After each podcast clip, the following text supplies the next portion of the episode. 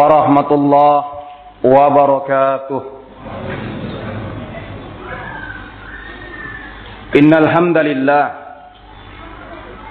نحمده تعالى ونستعينه ونستغفره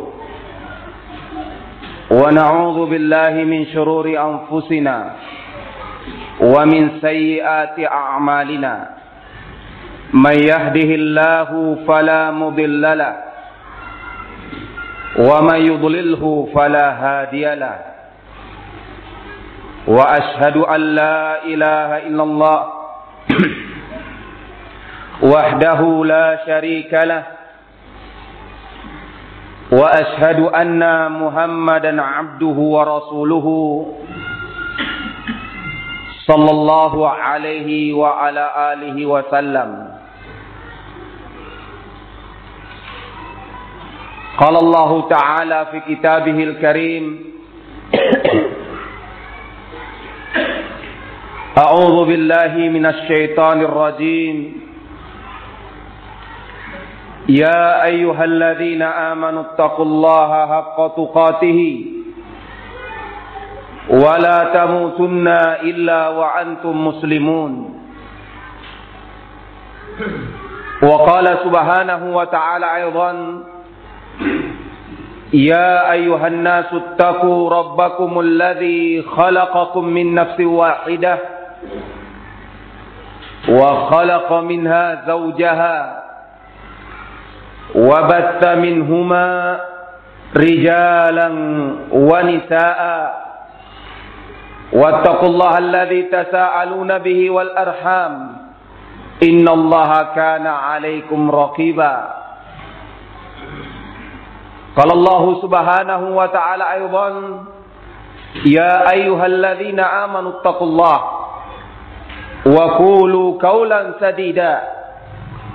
يصلح لكم أعمالكم ويغفر لكم ذنوبكم. ومن يطع الله ورسوله فقد فاز فوزا عظيما.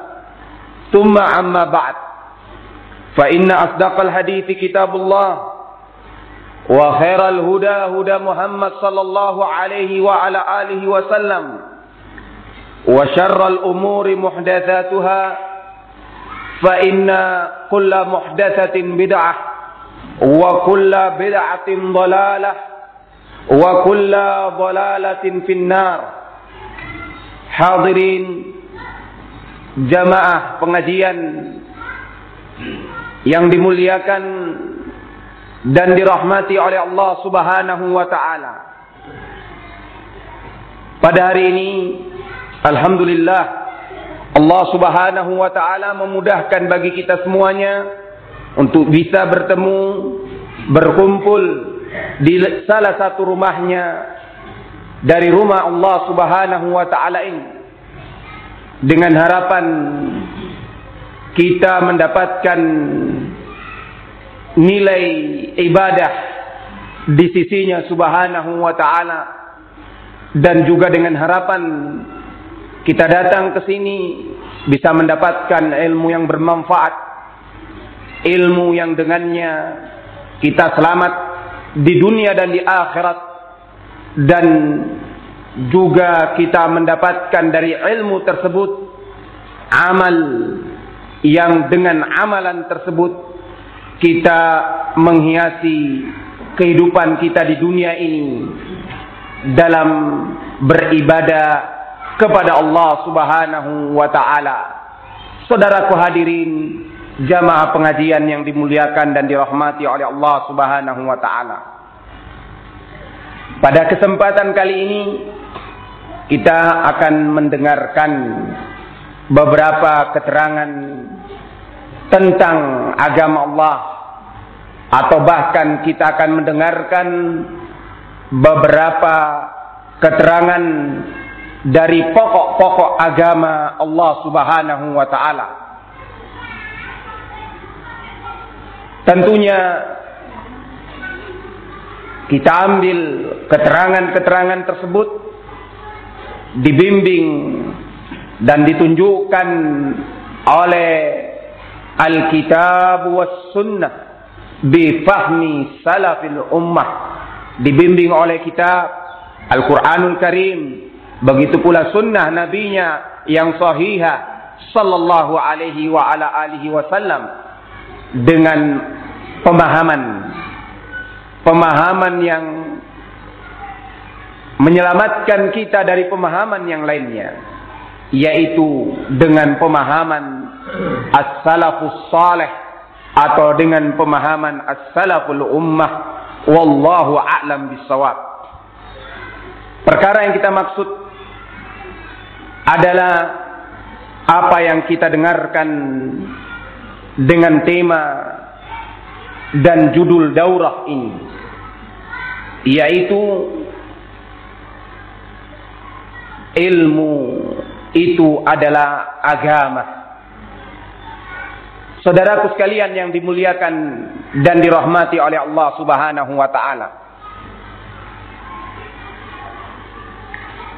Al-Imam Muhammad Ibnu Sirin rahimahullahu taala dari salah seorang tabi'in yang mulia yang dimuliakan oleh Allah Subhanahu wa taala keberadaannya dengan ilmu dan amal dengan ketakwaan dan dengan keistiqomahan juga dimuliakan oleh Allah Subhanahu wa taala dengan keimamahan di dalam agama Allah Subhanahu wa taala. Beliau dikenal sebagai imam yang ma'ruf, imam yang masyhur di sisi ahli sunnah wal jamaah baik di zaman beliau yaitu di zaman para tabi'in dan setelah zaman beliau. Muhammad ibnu Sirin rahimahullahu taala. Dan dari keistimewaan orang-orang terdahulu dan pendahulu kita dari as-salafus saleh mereka dikenal orang-orang yang selalu sedikit mengucapkan kalimat dan kata-kata tapi kalimat dan kata-kata mereka penuh dan didapatkan banyak di dalamnya padanya hikmah. Hikmah ilmu hikmah at-taqwa hikmah hidayah Allah hikmah bimbingan kepada umat agar berjalan di atas jalan yang benar, di atas jalan as-siratal mustaqim. Saudaraku hadirin yang dimuliakan dan dirahmati oleh Allah Subhanahu wa taala. Berbeda dengan orang-orang sekarang. Didapatkan perkataannya, didapatkan pembicaraannya, didapatkan pernyataannya, banyak padanya perkataan, banyak padanya pembicaraan. Tapi kalau kita melihat dan kita tinjau lebih dalam lagi, kita cermati apa yang mereka katakan, maka kalaupun itu banyak, kalaupun itu panjang lebar, maka kita akan mendapati kalaupun ada itu sedikit dari hikmah sedikit daripada hikmah Terlebih lagi apa yang datang dari perkataan manusia atau orang-orang sekarang diliputi dengan syahwat, diliputi dengan hawa nafsu dan diliputi dengan keinginan dan maksud tertentu daripada dunia, maka kita akan mendapatkan perkataannya sesuai dengan apa yang dia inginkan.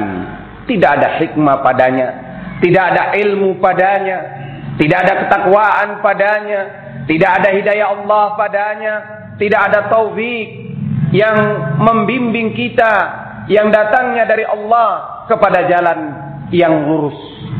Saudaraku sekalian yang dimuliakan dan dirahmati oleh Allah Subhanahu wa taala.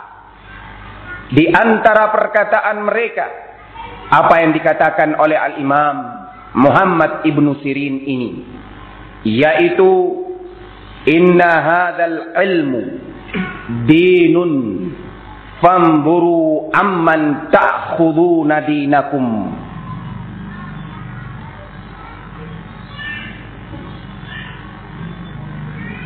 Sesungguhnya kata beliau rahimahullahu taala. Sesungguhnya agama yang kalian pelajari ini, agama yang kalian timba ini, atau sesungguhnya, maaf, ilmu yang kalian pelajari, ilmu yang kalian timba, itulah agama kalian. Itulah agama kalian. Karenanya, karena itu merupakan agama, maka mesti bagi kalian melihat di mana dan dari mana kalian mengambil agama kalian tersebut. Di mana dan kepada siapa kalian mempelajari, mengambil agama kalian tersebut. Perkataan beliau rahimahullah yang dikenal padanya perkataan yang memberikan dan manfaat yang banyak bagi kaum muslimin bukan hanya apa yang kita dengarkan tadi. Tapi di sana banyak pernyataan dan perkataan beliau yang lainnya yang sungguh kalau kita mencoba melihat mencoba mencermatinya mempelajarinya maka kita akan mendapatkan bimbingan-bimbingan seperti apa yang telah kita sebutkan tadi namun satu di antaranya apa yang telah kita dengarkan. Yaitu berkaitan dengan agama Allah. Mengilmui agama Allah. Dan ke mana mesti kita mengambil dan mengilmui agama Allah subhanahu wa ta'ala tersebut. Saudaraku sekalian yang dimuliakan dan dirahmati oleh Allah subhanahu wa ta'ala. Yang penting dan pertama mesti kita ketahui dari apa yang telah kita dengarkan dari kalimat dan perkataan beliau tadi. Bahwa ulama ahli sunnah wal jamaah mengatakan apa yang dikatakan oleh Al-Imam Ibn Sirin rahimahullahu ta'ala tadi. Yang merupakan salah satu dari perkataan yang dinukilkan dari beliau. Merupakan bentuk kaidah atau merupakan satu kaidah merupakan satu kaidah dari kawaid Islam bahkan dikatakan merupakan salah satu kaidah yang amat penting dari kawaid dari kaidah-kaidah Islam. Dikarenakan dengan pernyataan beliau tadi atau apa yang telah kita dengarkan memberikan keterangan kepada kita semua untuk supaya kita betul-betul menyaring membersihkan agama kita dari noda-noda apa yang mengotorinya dan betul-betul menjaga agama kita agar murni agama itu datangnya dari Allah Subhanahu wa taala. Karena agama Allah Allah tidak datangkan kepada hamba-hambanya tapi Allah datangkan dari sisinya. Allah datangkan dan Allah turunkan agamanya dari sisinya. Sehingga tentunya Seorang kalau ingin beragama dengan agama yang benar, dia mengambil dari sisi Allah Subhanahu wa taala, tidak mengambil agama dari selain Allah Subhanahu wa taala. Wallahu a'lam bissawab. Dan juga dari keterangan beliau, kata mereka ulama ahli sunnah wal jamaah, menyebabkan seseorang berpegang teguh, beristiqamah di atas sunnah, di atas manhaj yang benar, manhaj yang safi, manhaj yang terbimbing oleh kitab dan sunnah. Karena sekian banyak manhaj bisa membuat seseorang bingung, bisa membuat seseorang ragu terhadap agamanya. Sehingga dengan manhaj yang benar ini membuat dia kokoh, membuat dia mantap dengan agama Allah yang dia pegangi dan dia yakini tersebut. Demikian saudaraku sekalian, di antara keterangan mereka yang bisa kita ambil dan bisa kita dengarkan berkaitan dengan apa yang dinyatakan oleh Al-Imam Muhammad Ibnu Sirin rahimahullahu taala tadi. Selanjutnya kita di zaman yang takaturatil fitan ini. Kita di zaman yang banyak kita dapati fitnah, banyak kita dapati problem masalah demi masalah yang menyerang agama dan keyakinan kita. Tentunya kita butuh solusi. Kita butuh wikaya. Kita butuh benteng yang membentengi kita. Kita butuh bimbingan yang membimbing kita. Maka kita dapatkanlah hal itu semua dari bimbingan mereka as-salafus saleh kepada umat ini. Yang telah kita dengarkan di antaranya satu tadi dari perkataan Al-Imam Muhammad Ibnu Sirin rahimahullahu taala.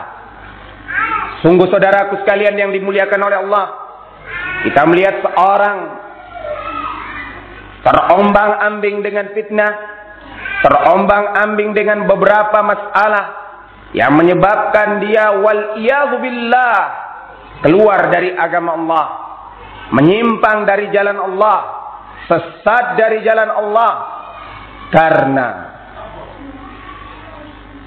dia menyandarkan dirinya dengan apa yang ada padanya dari kelemahan, apa yang ada padanya dari kelalaian. Juga dia menyandarkan kepada selain Allah Subhanahu wa taala. Terlebih lagi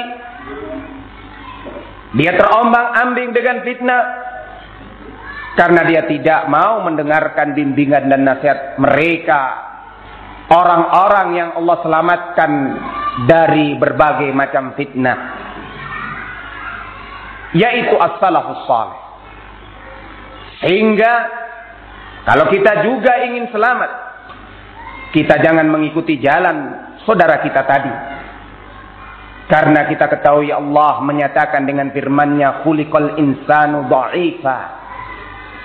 Manusia itu diciptakan dalam keadaan lemah. Lemah badannya, fisiknya. Lemah hatinya. Lemah akidahnya. Dalam segalanya lemah. Maka dia mestinya bersandar. Dan mestinya dia berharap kepada yang maha kuat.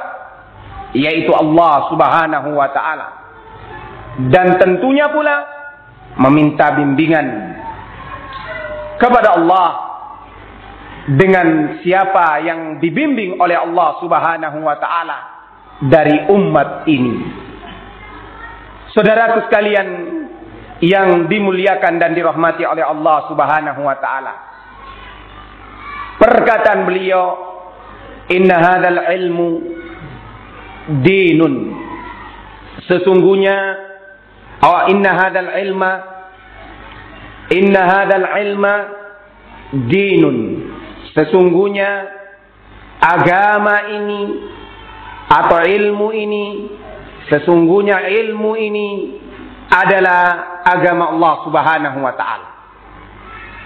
Perkataan beliau rahimahullahu taala tentunya bukanlah perkataan yang beliau berkata dengan semata-mata pendapat beliau.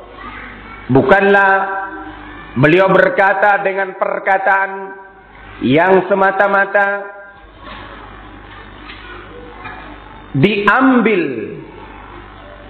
dari apa yang tidak bisa dipertanggungjawabkan tempat pengambilannya.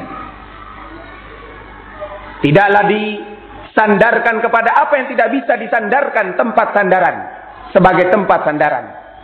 Tapi beliau mengatakan inna hadzal ilma dinun.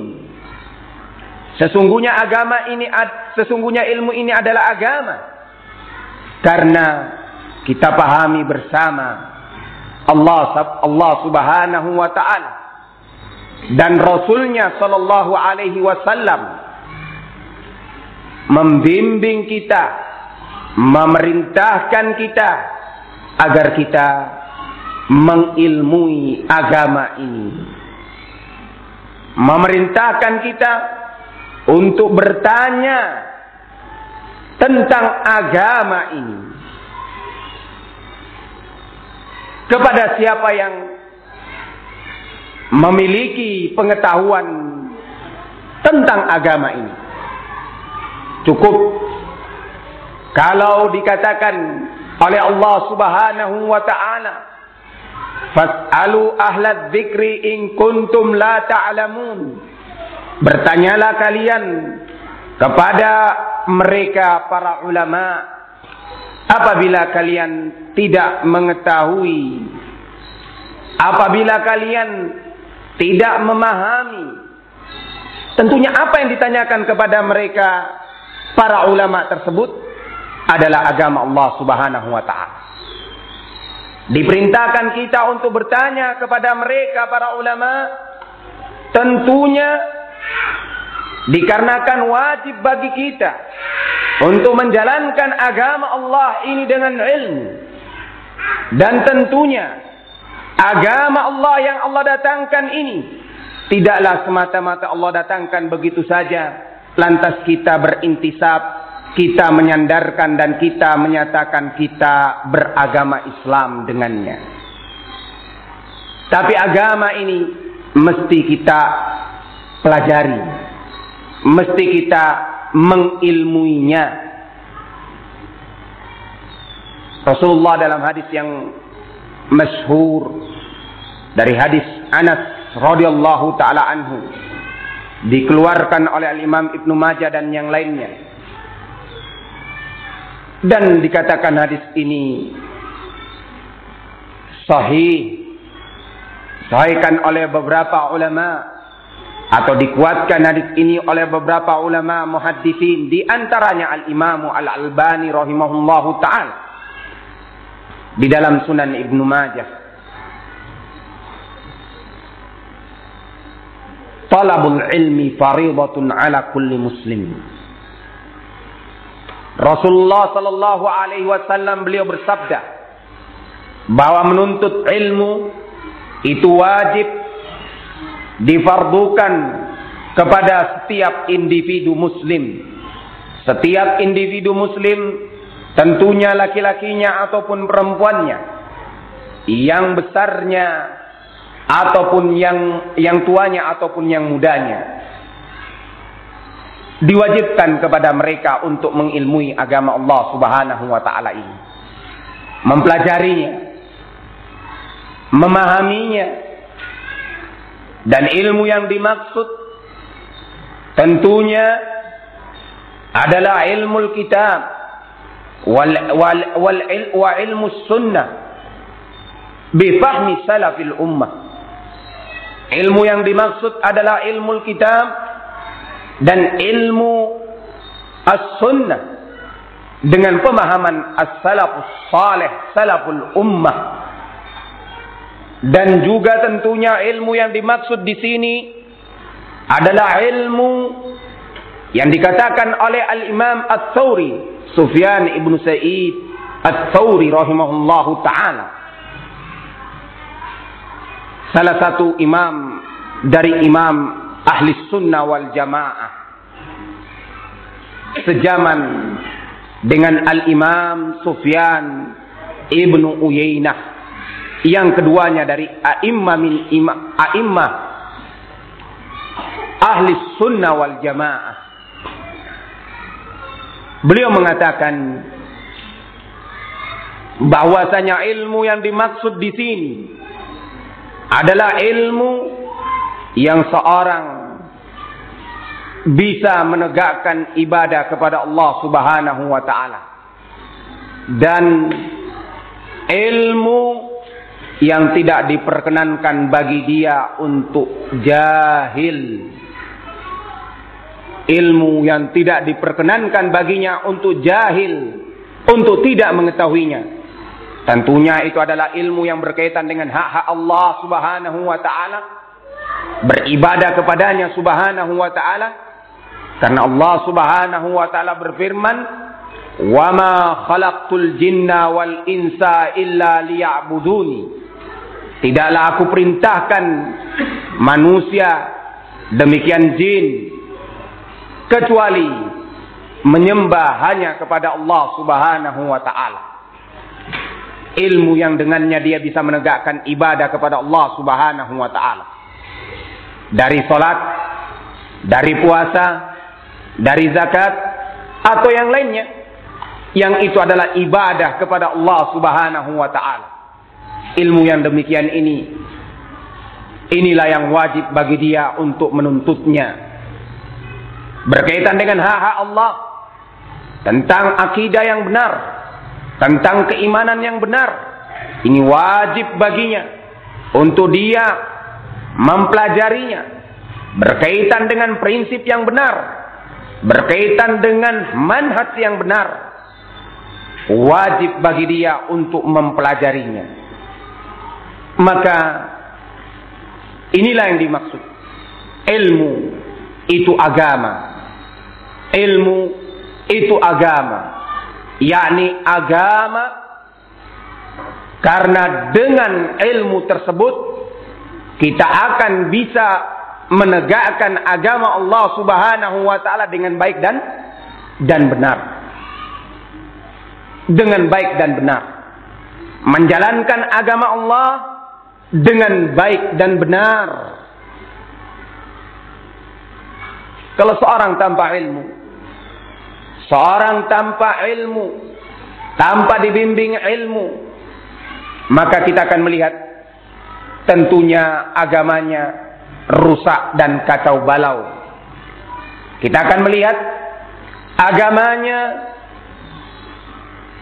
menyimpang dari jalan yang benar.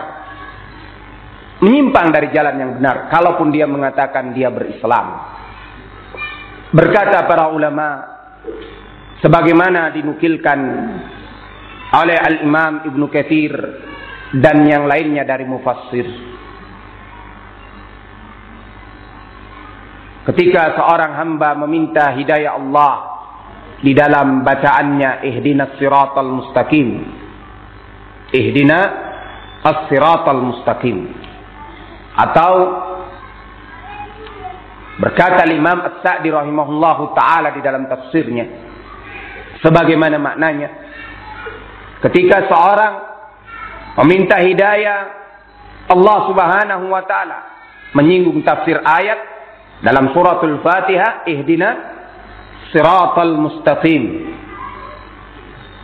Maka tentunya di sini terkandung dua hidayah. Terkandung dua hidayah yaitu hidayah yang membimbing seseorang kepada keislaman. Hidayatu ilal Islam. Hidayatun ilal Islam atau al-hidayah yang membimbing dia kepada keislaman. Yang kedua, hidayatu fil Islam. Yang kedua, dia meminta agar supaya dibimbing dia ketika berislam mendapatkan jalan yang benar Islam yang sesuai dengan apa yang dipraktikkan dan diamalkan oleh Rasulullah sallallahu alaihi wa ala alihi wasallam. Kenapa demikian? Karena kalau seorang berislam hanya sekedar berislam, maka kita akan melihat keterangan tadi dia berislam dengan ngawur, dia berislam dengan serampangan, dan bahkan apa yang dia katakan keislamannya jauh dari penamaan Islam itu sendiri. Seorang berislam tapi menyembah kepada selain Allah. Seorang berislam tapi melakukan amalan-amalan yang menyelisihi amalan Nabi sallallahu alaihi wa ala alihi wasallam. Ini semuanya kenapa demikian? Karena tidak dibimbing dengan ilmu. Tidak dibimbing dengan ilmu. Oleh karena itu, agama ini perlu dengan ilmu. Perlu dengan ilmu agar kita bisa menegakkan agama Allah Subhanahu wa taala ini. Saudaraku hadirin yang dimuliakan dan dirahmati oleh Allah Subhanahu wa taala. Ilmu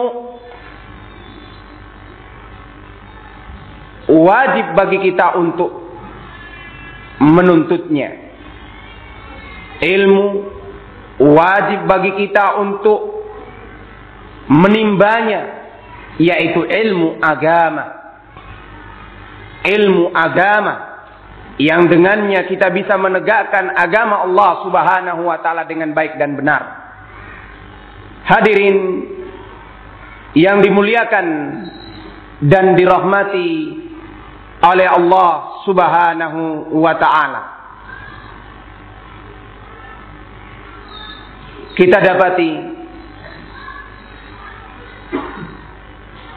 bahwa tidak sedikit di antara kaum muslimin ketika ditanyakan tentang Islam yang benar kita dapati mereka menjawabnya dengan jawaban yang tidak diinginkan dari keislaman yang benar tersebut. Tentunya kenapa demikian? Karena tidak dibimbing oleh ilmu. Tidak dibimbing oleh ilmu agama Wallahu a'lam bis-shawab. Inna hadzal ilma dinun. Fanzuru amman ta'khudhu dinakum amman ta'khuduna dinakum. Ilmu ini agama maka lihatlah di mana kalian mengambil agama kalian. Saudaraku sekalian hadirin yang dimuliakan dan dirahmati oleh Allah Subhanahu wa taala. Allah Subhanahu wa taala yang menurunkan ilmu. Allah yang mendatangkan ilmu dan Allah yang akan menjaganya. Ilmu agama ini akan tetap ada sampai hari kiamat nanti. Ilmu agama ini akan tetap langgeng sampai hari kiamat nanti. Itulah dari penjagaan Allah terhadap agamanya. Karena agamanya dengan ilmu. Maka Allah menjaga ilmu tersebut sampai hari kiamat nanti. Kalaupun Allah subhanahu wa ta'ala dengan berjalannya zaman dari waktu ke waktu sampai akhir zaman Allah subhanahu wa ta'ala mengurangi ilmu itu sedikit demi sedikit namun Allah subhanahu wa ta'ala tidak akan menghilangkannya sama sekali. Namun Allah subhanahu wa ta'ala tidak akan menghilangkannya sama sekali. Karena dengan menghilangkan ilmu berarti menghilangkan agamanya. Tapi Allah subhanahu wa ta'ala melanggengkan ilmu tersebut. Walaupun ilmu tersebut diambil sedikit demi sedikit oleh Allah subhanahu wa ta'ala. Rasulullah sallallahu alaihi wasallam pernah bersabda dalam hadis yang dikeluarkan oleh Al Imam Bukhari dan Muslim dalam sahihnya. Dari hadis Abdullah ibnu Amr ibn al-As radhiyallahu taala anhu. Beliau bersabda innallaha la yaqbidul ilma intiza'an yantazi'uhu minan nas walakin yaqbidul ilma biqabdil ulama hatta idza lam yatruk aliman ittakhadhan nasu ru'usan juhalan fasu'ilu fa'aftau bighairi ilmin fadallu wa adallu. Rasulullah sallallahu alaihi wasallam beliau bersabda dalam hadis yang telah kita dengarkan tadi periwayatannya dan dari sahabat Abdullah ibnu Amr ibn al-As radhiyallahu taala anhuma. Bahwa Allah Subhanahu wa taala Allah Subhanahu wa taala tidak akan mengambil ilmu tidak akan mencabut ilmu dengan pengambilan dan pencabutan secara keseluruhannya dari manusia dari hamba-hambanya. Allah tidak akan mencabut, mengambil ilmu dengan secara langsung semuanya. Tapi Allah Subhanahu wa taala mengambil ilmu tersebut dengan mewafatkan dari para ulamanya satu demi satu. Sampai-sampai apabila nantinya tidak didapatkan lagi alim. Dan itu tanda yang besar datangnya hari kiamat. Tanda yang besar datangnya hari kiamat di mana tidak ada lagi orang-orang yang beriman.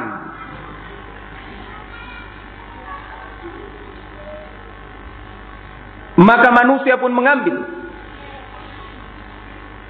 Siapa di kalangan mereka dari orang-orang jahil mereka akan mengambil ilmu tersebut dari orang-orang jahil orang-orang yang bodoh yang tidak memiliki ilmu sebetulnya dan ketika ilmu diambil dari orang-orang yang bodoh Orang-orang yang tidak memiliki ilmu. Maka tentunya apa yang terjadi? Orang yang tidak memiliki ilmu ini. Yang mencoba mengangkat dirinya menjadi alim. Karena dia melihat tidak ada alim lagi. Dia menempatkan posisinya sebagai alim. Dia pun berfatwa. Dengan apa yang datang dari kebodohannya. Berfatwa dengan kebodohannya maka akibatnya terjadi menyesatkan dengan fatwanya tersebut manusia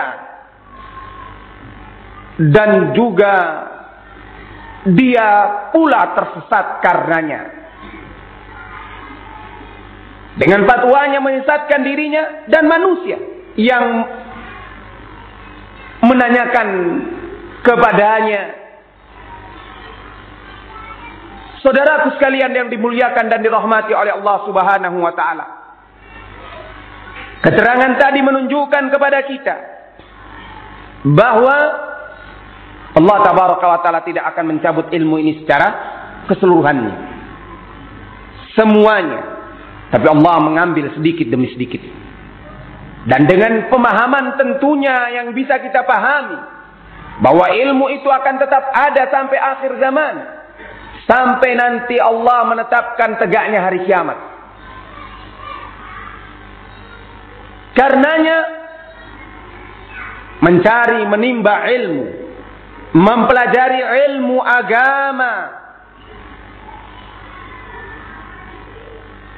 menjadi tanggung jawab kita, menjadi kewajiban kita dari waktu ke waktu. Dari waktu ke waktu selama kita masih bisa mendapatkan ilmu tersebut selama kiamat belum ditegakkan oleh Allah Subhanahu wa taala. Dan mencari ilmu tersebut, mengambil ilmu tersebut, ilmu agama. Kita dengarkan dari bimbingan hadis tadi bahwa ilmu ini diambil kepada ahlinya. Kepada ahlinya yaitu mereka para ulama ulamaul ummah ulama rabbani ulama umat ini. Ulama rabbani ulama yang membimbing dan mengajarkan umat ini kepada jalan yang benar. Kepada mereka kita mengambil ilmu. Dan kepada mereka kita duduk bermajlis menimba dan mempelajari ilmu. Itulah tentunya yang dimaksud dengan apa yang beliau katakan tadi Al-Imam Ibnu Sirin, "Inna hadzal ilma dinun." Famburu amman ta'khuduna dinakum. Agak ilmu ini adalah agama.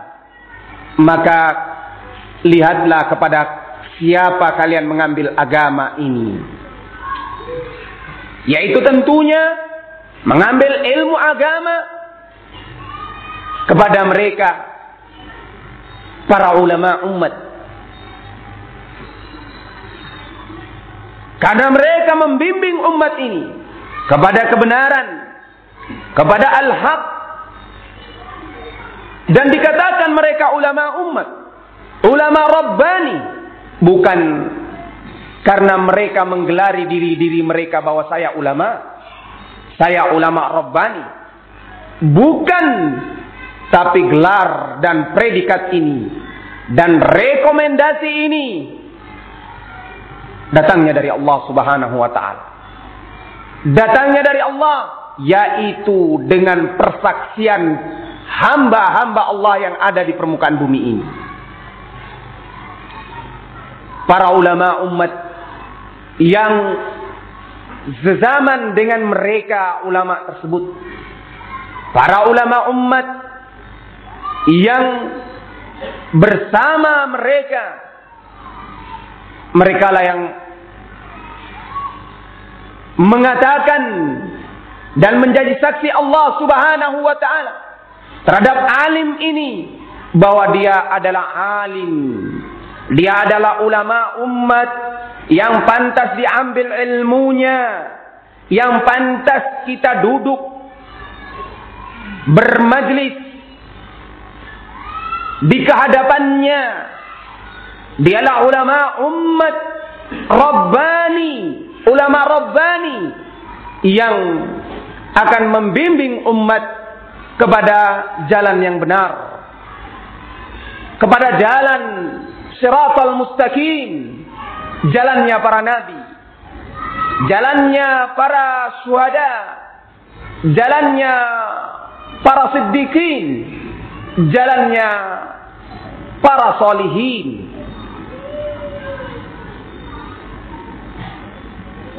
mereka ulama umat tidak lantas ada seorang menyatakan dirinya bahwa dia ulama. Ada seorang mengatakan dirinya bahwa dialah ahli fatwa. Ada seorang mengatakan dirinya bahwa sepantasnya manusia berkumpul di sisinya. Dia mengatakan bahwa dia dan dia dan dia. Ketahuilah ini bukan ulama. Ketahuilah ini bukan ulama.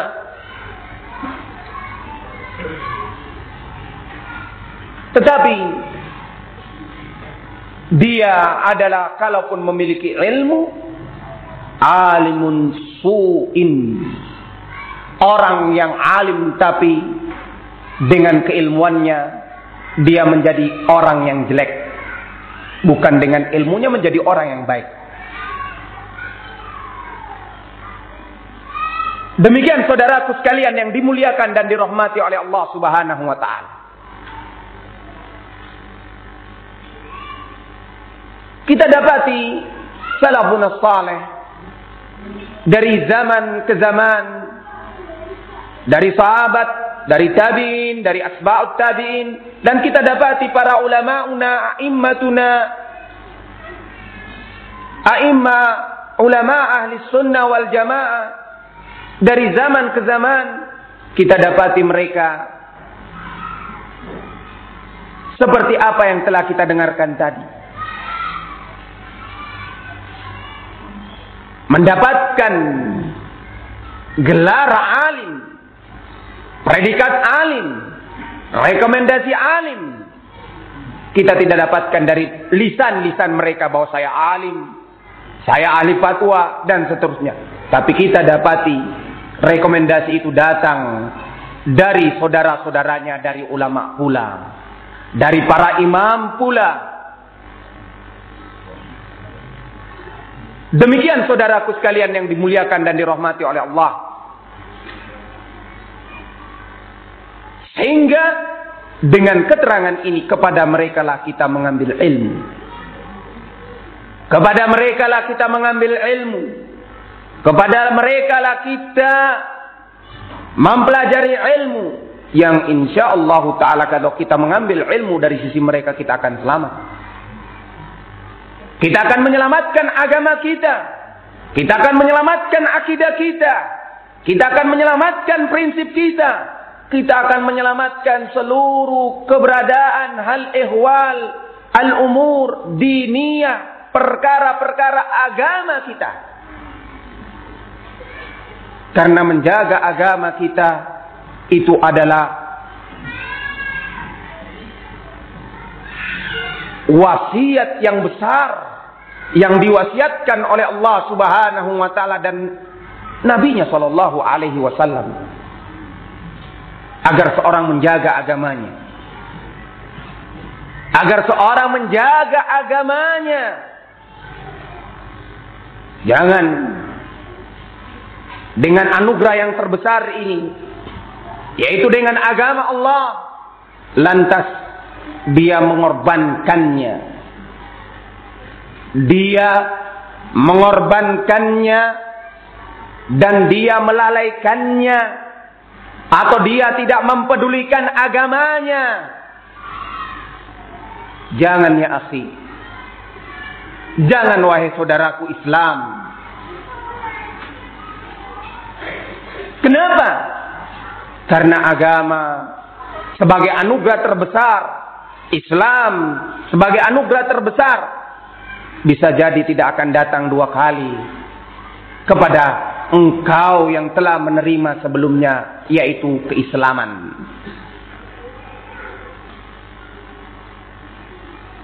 Tentunya bisa jadi keislaman yang datang kepadamu ketika kamu lalaikan. Dan kamu membiarkannya hilang. Dan Allah ganti dengan yang selainnya. Maka merugilah orang-orang yang seperti ini. Wa may yabtaghi al-islami dinan fala yuqbala minhu fa huwa fil akhirati minal khasirin.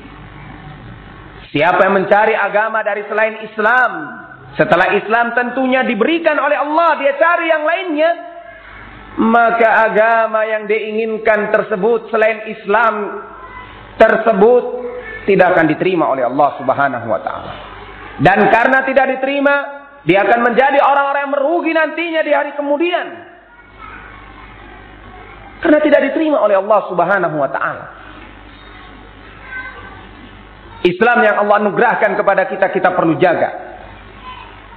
Menjaganya, mempelajarinya di kehadapan atau belajar bersimpuh duduk di kehadapan mereka ulama umat Allahu a'lam bissawab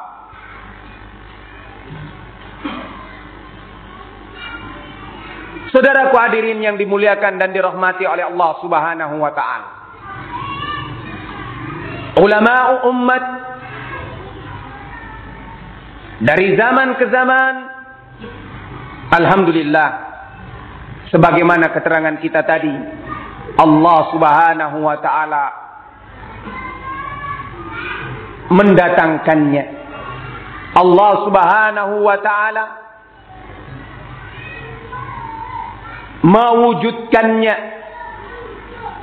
Sehingga tidak ada satu zaman ba'da nubuwatin Nabi sallallahu alaihi wa ala alihi wasallam sampai nanti datangnya hari kiamat tentunya di saat tidak ada lagi ahlul iman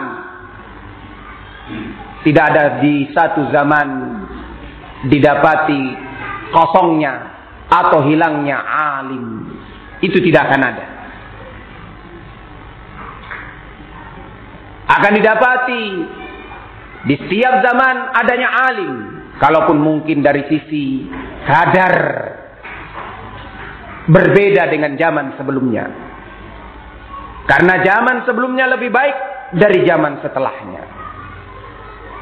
Dan semakin berjalannya zaman, semakin banyaknya kerusakan. Inilah yang kita dengarkan dari hadis Rasulullah tadi. Ilmu itu akan diambil sedikit demi sedikit. Yang berarti kerusakan juga akan bertambah sedikit demi sedikit dan akan membanyak wallahu a'lam bissawab sehingga tidak ada alasan bagi kita untuk mengambil dan mencari ilmu di sisi para ulama terlebih lagi kita berada di zaman yang banyak fitnah ini yang agama kita digoyah agama kita digoyang Agama kita dibuncah. Bagi kita untuk mengetahui. Dan bagi kita untuk berjaga dan waspada dengan agama kita. Dengan agama kita. Karena agama sebagaimana yang sudah kita katakan juga adalah harta yang paling besar, anugerah yang paling besar yang dimiliki oleh seseorang. Kalau agamanya hilang, maka dia akan rugi di dunia dan di akhirat. Kalaupun dia memiliki harta yang banyak. Dari harta duniawi, dia akan merugi di dunia dan di akhirat. Kalaupun dia memiliki harta yang banyak.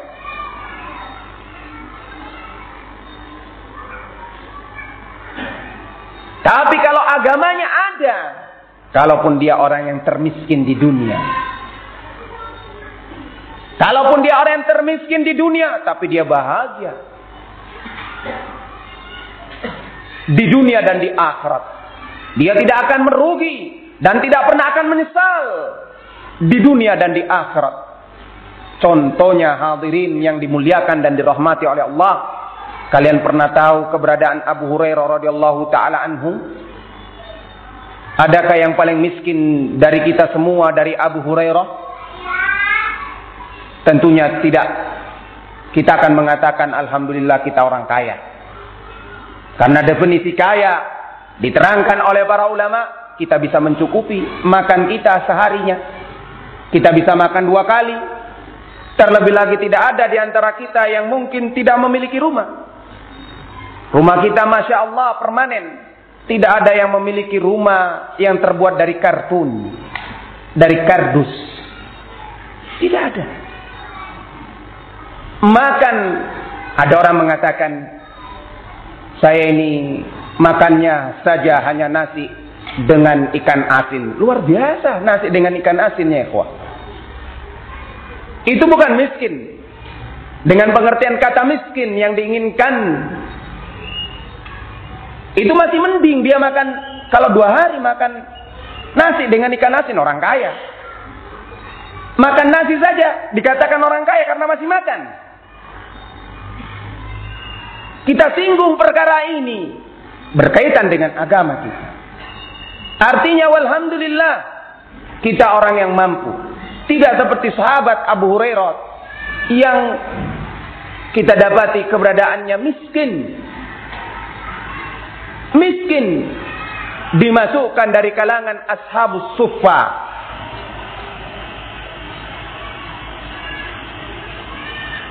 tapi dia tidak berkecil hati Abu Hurairah radhiyallahu taala anhu tidak berkecil hati.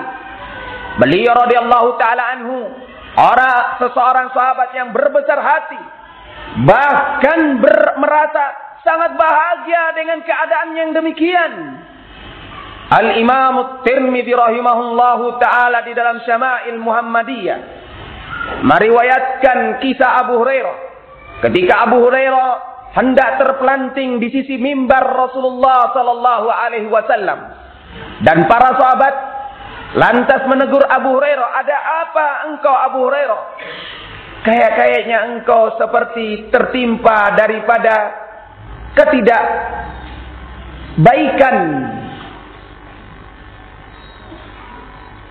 Karena seorang berjalan mestinya tegap dan lurus Abu Hurairah berjalan hampir terpelanting.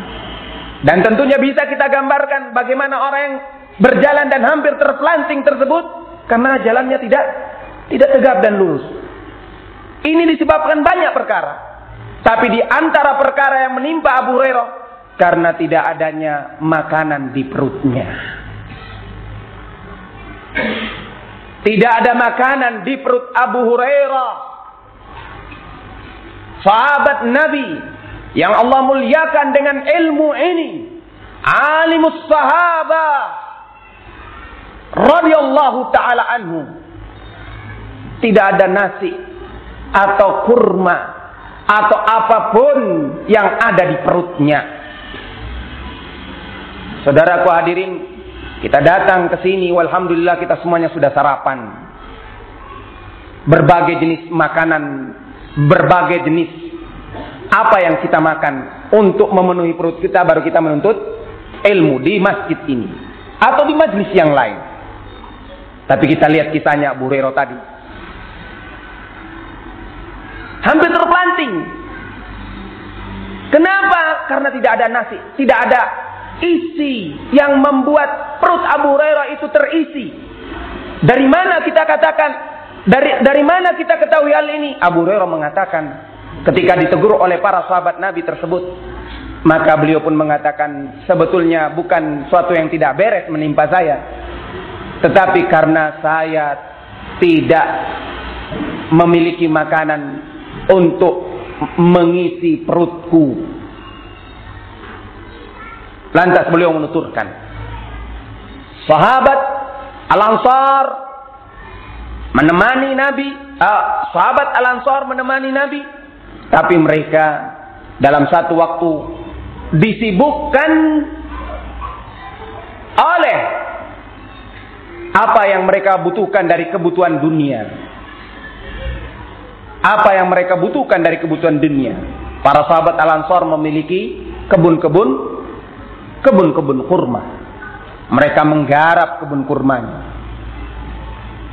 Sehingga mereka ketika menggarap kebun kurma tersebut, mereka lantas mereka lantas tentunya tidak bisa menemani siapa? Rasulullah sallallahu alaihi wa ala alihi wasallam. Sahabat Muhajirin mereka menemani Nabi. Tapi dalam satu keadaan mereka disibukkan dengan kebutuhan mereka. Dan itu adalah hal yang wajar, bukan hal yang tercela. Mereka disibukkan dengan mencukupi kebutuhan mereka dari kebutuhan dunia dengan menjalankan perdagangan di pasar-pasar. Sehingga ketika mereka berdagang di pasar, mereka tentunya tidak bisa menemani siapa? Rasulullah sallallahu alaihi wasallam. Tapi aku kata Abu Hurairah, aku menemani Nabi sallallahu alaihi wasallam di saat beliau kenyang dan di saat beliau lapar.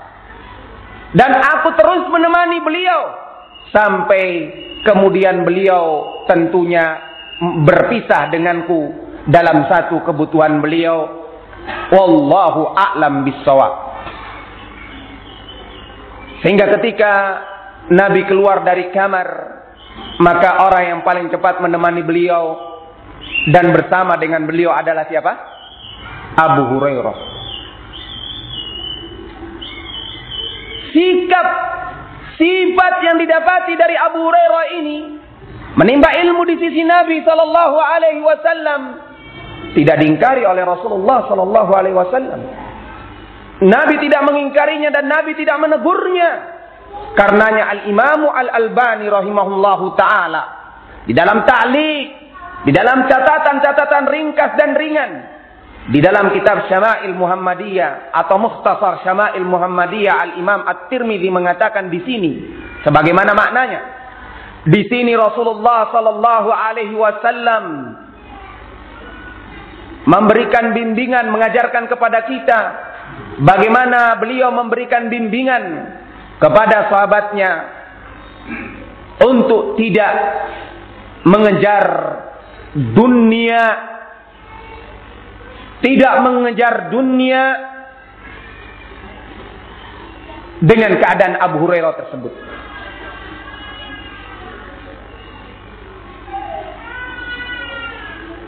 Saudaraku sekalian yang dimuliakan dan dirahmati oleh Allah, Abu Hurairah. Kita katakan orang yang miskin. Tapi beliau senang, beliau bahagia tidak pernah keluar dan terlontar dari mulut Abu Hurairah merasa menyesal bersama Rasulullah dengan tidak memiliki apa-apa. Tidak pernah. Bahkan beliau bahagia dengan menemani Rasulullah mendapatkan ilmu, mendapatkan iman. Wallahu a'lam bissawab. Agama ini adalah anugerah yang besar yang mesti kita jaga.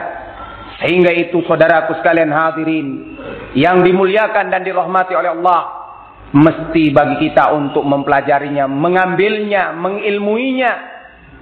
Di sisi mereka para ulama umat yang walhamdulillah walhamdulillah Allah Subhanahu wa taala menyisakannya. Di zaman kita ini walhamdulillah Allah menyisakannya kepada mereka kita mengambil dan menimba ilmu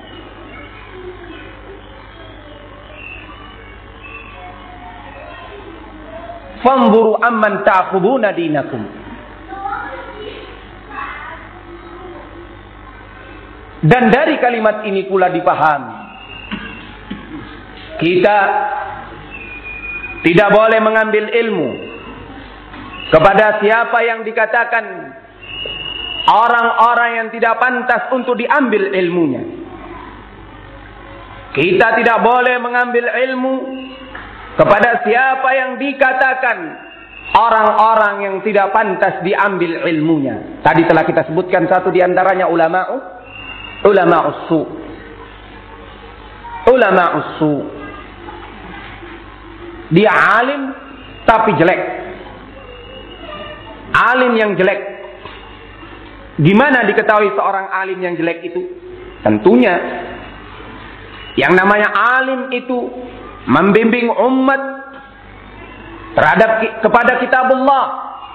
Membimbing umat kepada sunnah nabinya sallallahu alaihi wasallam. Membimbing umat agar mereka tidak terjatuh di dalam kemungkaran dari kesyirikan dari kebid'ahan dari penyimpangan dari kesesatan dari maksiat dan dari apa-apa yang dilarang oleh Allah Subhanahu wa taala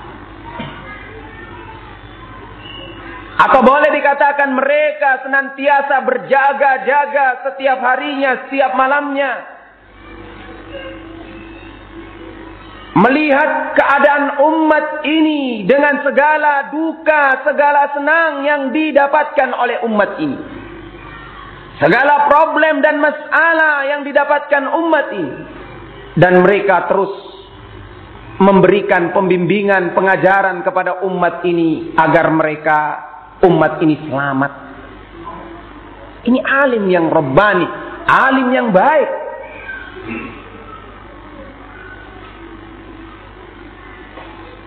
Dan sebaliknya, ulama usul yang kita maksud tadi telah kita dengarkan. Ulama usul yang kita maksud tadi telah kita dengarkan. Sebaliknya dari alim yang baik. Yani tidak membimbing umat kepada kebaikan, tidak mengajarkan umat kepada tauhid, tidak mengajarkan umat kepada akidah, tidak mengajarkan umat kepada sunnah, tidak mengajarkan umat kepada keimanan yang benar, tidak memperingatkan umat kepada kesyirikan, tidak memperingatkan umat kepada kebitahan, tidak memperingatkan umat kepada kemungkaran dan seterusnya dari apa-apa yang jelek. Ini alim yang jelek. Kenapa dikatakan alim yang jelek? Tentunya kita sudah bisa memahami. Yang namanya alim itu dengan ilmunya harus mengajarkan ilmunya tersebut. Kita ingat ucapan kita dengan bentuk bacaan di dalam solat kita. Ghair al-maghdubi alaihim waladhdallina. Ya Allah, setelah kita minta petunjuk kepada Allah, jalan yang lurus, kita berlindung dari Allah Subhanahu wa taala dari al-maghdub alaihim, dari orang-orang yang menyimpang. Siapa orang-orang yang menyimpang tersebut? Orang-orang al-maghdub, orang-orang yang dimurkai oleh Allah Subhanahu wa taala. Dalam riwayat disebutkan al-yahud. Mereka itu adalah Yahudi. Yahudi al-maghdub alaihim Yahudi. Ad-dhallina disebutkan dalam riwayat pula an-nasara. Lantas para ulama kita mengatakan bahwa al-maghdub alaihim waladhdallina Yahudi dan Nasara dan siapa yang berjalan sesuai dan sama dengan jalan mereka. Apa yang menyebabkan Yahudi dimurkai oleh Allah? Apa yang menyebabkan Nasara disesatkan oleh Allah? Yahudi dimurkai oleh Allah karena berilmu tapi tidak mengamalkan ilmunya. Berilmu tapi tidak mengamalkan ilmunya, tidak mengajarkan ilmunya.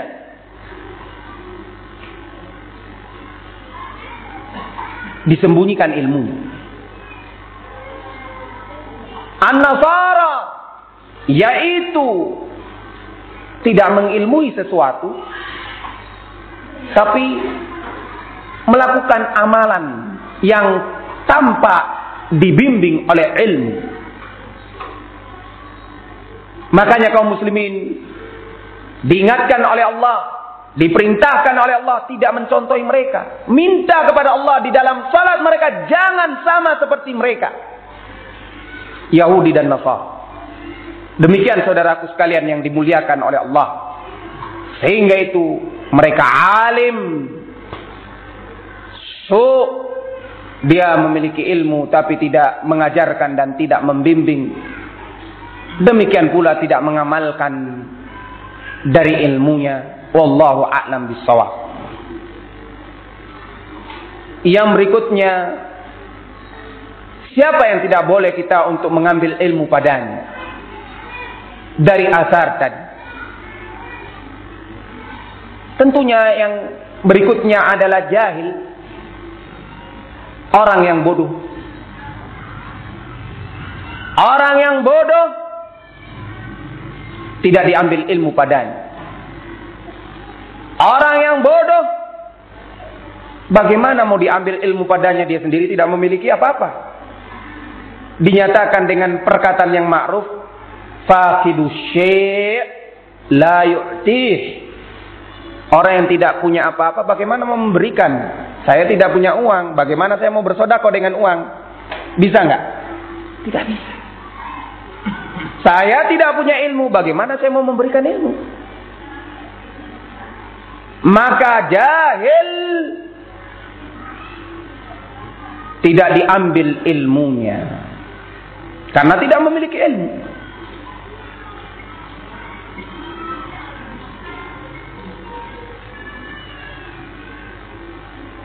Berikutnya duhur sampai jam berapa? Jam 12 pas. Hah? 12? 10. Kurang 10 menit jam 12, ya. Iya. Baik.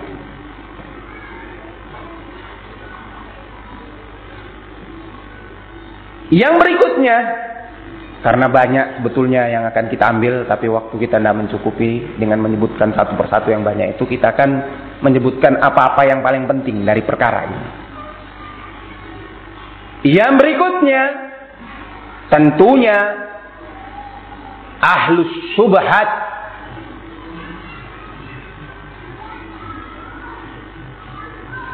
Kalau tadi orang jahil tidak diambil ilmunya karena tidak memiliki apa? Ilmu. Kamu mau belajar agama misalnya kepada orang yang tidak memiliki ilmu, tentunya orang akan mengatakan kepadamu, "Wah, kamu bodoh sekali ngambil ilmu kepada orang yang tidak memiliki ilmu." Kita aja mau mempelajari ilmu dunia, ilmu dunia ini kita mau pelajari. Kita mengambil dari apa? Ahlinya. Kita mempelajari teknik, kita mengambil dari orang yang mengerti teknik. Kita mengambil ilmu pertanian, kita kepada orang yang ahli pertanian. Orang yang berilmu tapi lain ilmunya, artinya dia bodoh terhadap satu perkara, mengerti terhadap satu perkara, dia ahli pertanian. Kita mengambil ilmu teknik kepadanya, rusak perkara kita. Ini ilmu dunia. Contoh, kita punya radio rusak. Radio kita rusak. Atau MP3 kita. Atau HP kita rusak. Wah rusak nih. Bagaimana ya cara memperbaikinya? Atau paling tidak bagaimana ya kita untuk membengkelkannya? Kita datangi orang-orang yang dikenal ahli pertanian. Kata orang pertanian ini, oh gampang ini. Beres. Sekali obat selesai. Apa yang diberikan orang pertanian pupuk? Radionya diberikan pupuk. Ya berjamur radionya. Bukan tambah baik. Tambah rusak. HP diberikan pupuk. Berulat. Ini dalam dunia. Kita tidak mau apa yang kita miliki dari dunia itu rusak. Lah bagaimana tentunya agama kita.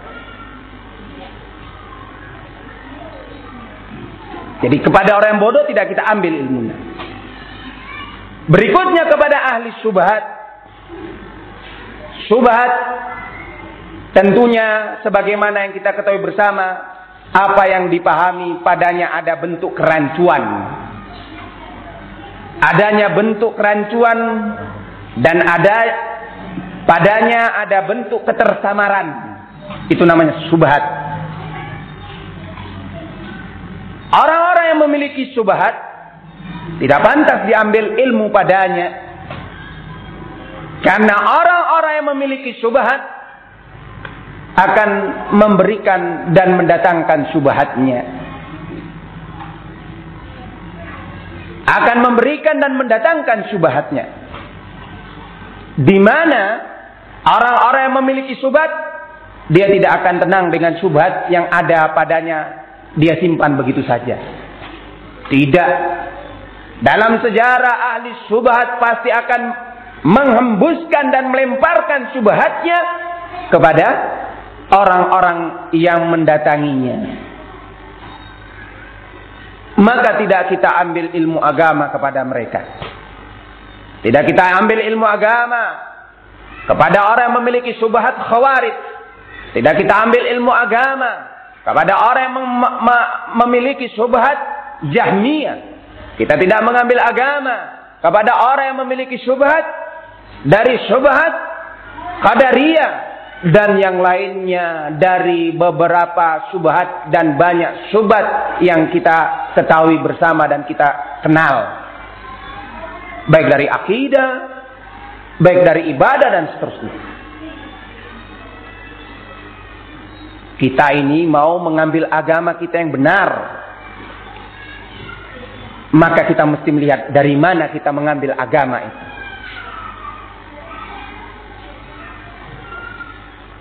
Demikian saudaraku sekalian yang dimuliakan oleh Allah. Bergandengan dengan orang-orang yang memiliki syubhat dan tidak jauh darinya adalah ahlul ahwa wal bid'ah.